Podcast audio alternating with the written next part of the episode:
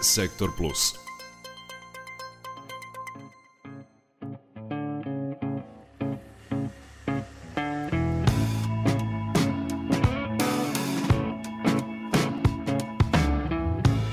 Istraživanja pokazuju da trećina svih ljudi starijih od 80 godina u Srbiji živi sama, što je pokazao i prethodni popis stanovništva.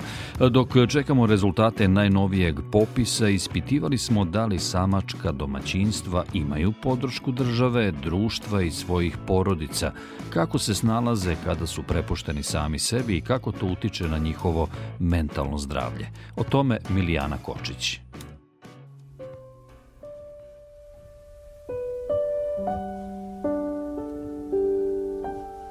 Baka Irena je zakoračila u devetu deceniju, ali o sebi i domaćinstvu i dalje brine potpuno sama. Sve uspevam ima, i toliko mogu još da sve sebi uradim i odem do prodavnice i polako se vratim, inače teže malo hodam, puno se zamaram.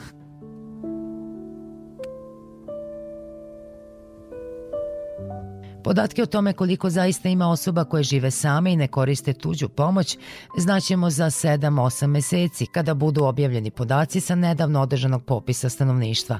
Nadežda Saterić iz udruženja Amit i Snaga prijateljstva strahuje da je taj broj mnogo veći, čak i među mlađima od 80 godina, a ističe i da država trenutno brine samo o desetini onih kojima je zaista za svakodnevno funkcionisanje pomoć preko potrebna. Znamo da na prošlom popisu 200 tipa 78.000 starih od 65 godina je živelo samo, a skoro polovina starih, skoro 600.000 je živelo u staračkim domaćinstvima na popisu iz 2011. gde su sve osobe u domaćinstvu stare 65 i više godina. Ali verovanje je i ubeđenje je, prvo imamo znatno veći broj starih nego pre 11 godina, kada je bio popis, to znamo i znamo i cifre.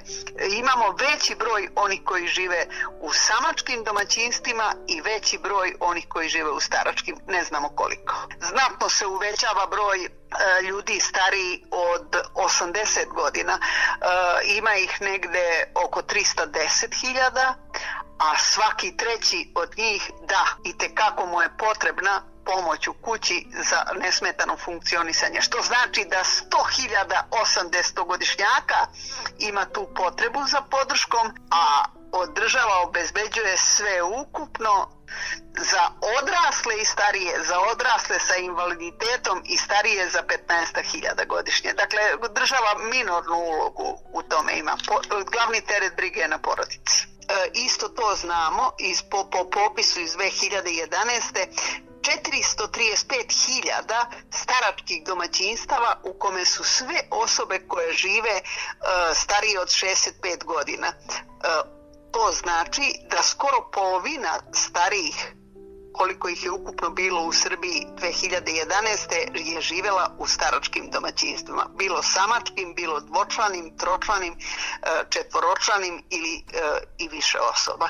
Ali znamo da što osobe imaju više godina, to su u većem riziku, da im treba podrška i pomoć drugog lica, bilo za pomoć u kući fizičku, bilo za negu u kući.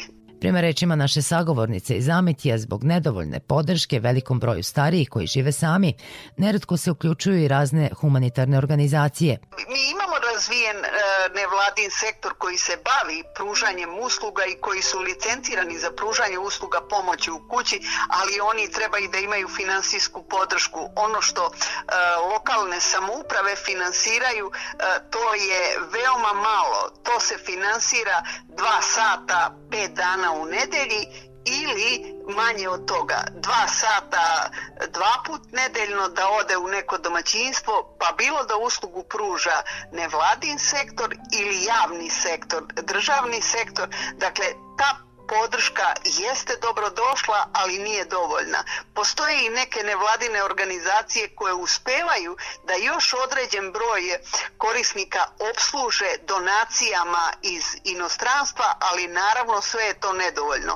Oni koji imaju novca ili imaju familiju koja može da im pomogne deca finansijski, snalaze se, ima danas dovolj, dosta i privatnih agencija koji se e, bave pružanjem tih usluga i kupuju usluge one koštaju 500-600 dinara na sat, a boga mi, oni koji nemaju dovoljno novca, koji imaju male penzije, oni naravno, a nemaju srodnike koji bi im pomogli, oni su baš baš u velikom problemu, jer niti imaju novac da kupe uslugu, niti imaju srodnike na koje mogu da se oslone, još ako nemaju i dobru tu ličnu mrežu i dobre relacije i odnose sa okruženjem, da im neko iz komšiluka pomaže, onda je za njih veliki problem, a nije mali broj ni takvih.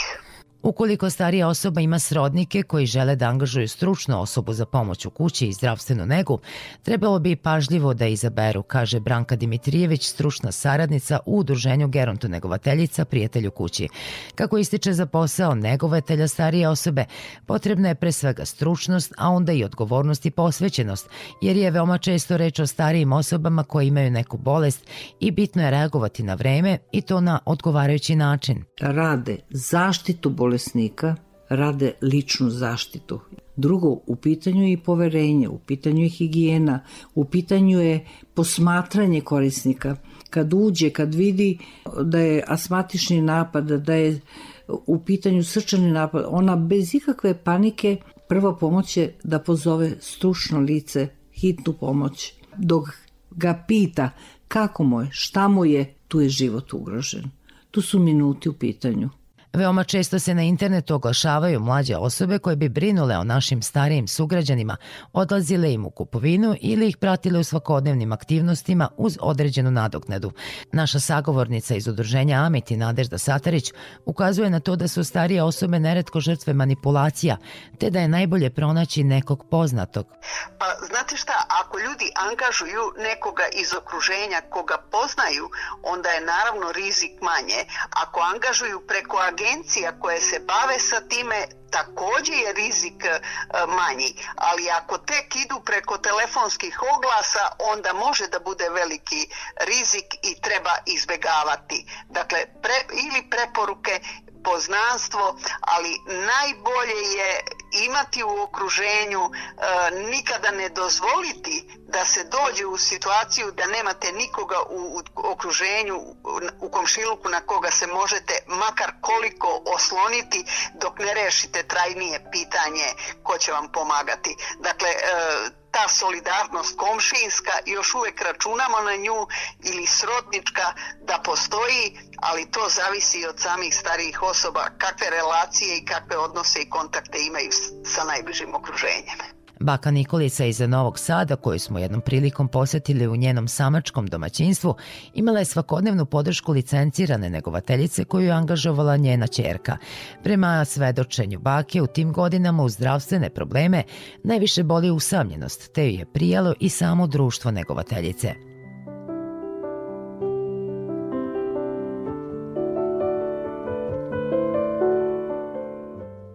Tako smo se našle kao da smo odrasle zajedno. Osećam se drugačije kada je, znate šta, ja imam 90 godina. Moje društvo je otišlo. Nemam nikog. Moji nisu tu. I puno mi znači kad se neki mogu da pričam bilo šta. Recimo gledamo u televiziju pa onda komentarišemo nešto. Ili gradimo nekoga. Da. drugčije je, sasvim je drugčije nego kad si sam.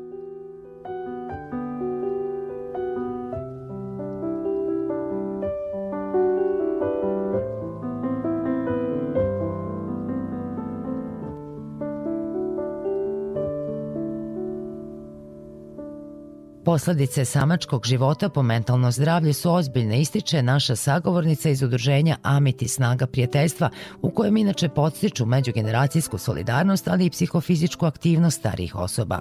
Rizik za usamljenost kod onih koji žive sami e, je mnogo veći nego ukoliko žive u domaćinstvu sa ovaj, e, većim brojem e, mlađih članova i odnosno različitih generacija u domaćinstvu ako ih ima. I otuda mi ovaj, i govorimo da je prevencija usamljenosti jako važna, a to je da e, osobe dokle su god fizički u mogućnosti starije da e, se kreću, da izlaze iz kuće, Pod jedan treba da imaju fizička aktivnost, to je ključna, svakodnevno da imaju društvene kontakte, hobi, hobi je da upražnjavaju jer oni mogu biti dobra platforma za, za, za povezivanje sa drugim ljudima, e, da održavaju svoje mentalno zdravlje, da aktivno stare, da, da mnogo toga moraju da urade sami, da ne bi dozvolili da budu ono isključeni potpuno iz života lokalne zajednice, onda će brže fizički propadati, onda će biti uh, u emocionalno ispra, ispražnjeniji, neće biti ispunjeni i naravno da će onda biti u velikom riziku i za mentalno zdravlje.